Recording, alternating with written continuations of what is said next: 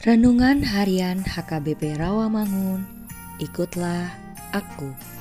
Selasa, 6 September tahun 2022.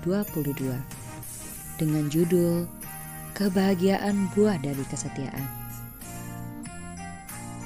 Bacaan pagi kita pada hari ini diambil dari Markus 1 ayat 21 sampai 28.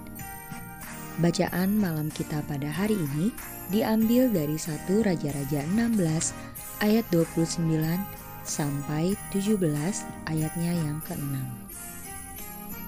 Dan kebenaran firman Tuhan pada hari ini diambil dari Yehezkiel 18 ayat 4 yang berbunyi, Sungguh, semua jiwa aku punya, baik jiwa ayah maupun jiwa anak aku punya dan orang yang berbuat dosa itu yang harus mati. Demikianlah firman Tuhan. Sahabat ikutlah aku yang dikasihi Tuhan Yesus. Pasal 18 dari Yeskiel ini adalah membicarakan tentang keadilan. Allah yang memberi upah kepada orang benar dan hukuman kepada orang fasik. Ucapan Allah dimulai dengan prinsip bahwa setiap orang bertanggung jawab atas perbuatannya sendiri. Kemudian Allah membuat studi kasus. Orang benar hidup menurut peraturan Allah dan berlaku setia. Dia pasti akan hidup. Masing-masing orang harus bertanggung jawab atas perbuatannya sendiri. Kebaikan pada waktu lalu tidak menjamin keselamatan waktu sekarang dan kemudian hari. Dan ini merupakan tuntutan Allah.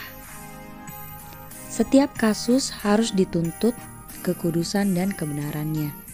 Jangan menganggap bahwa dahulu sudah melakukan kebajikan dan boleh menggantikan kelakuan yang jahat sekarang ini. Rasul Paulus menyatakan kembali prinsip ini dengan menyatakan, "Sebab upah dosa adalah maut, tetapi karunia Allah adalah hidup yang kekal dalam Kristus Yesus Tuhan kita."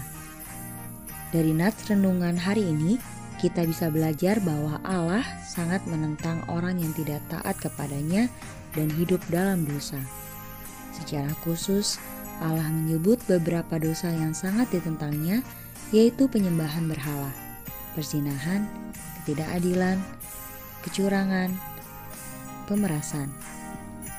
Oleh sebab itu, karena kita adalah milik Allah, dan bagi siapa yang melakukan segala perbuatan yang bertentangan dengan kehendaknya, maka Allah akan bertindak.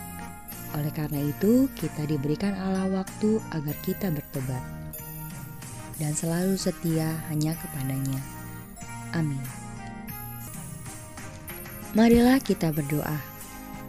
Tuhan, ajari kami agar tetap setia kepada ajaranmu dan hidup jauh dari segala perbuatan jahat dan dosa.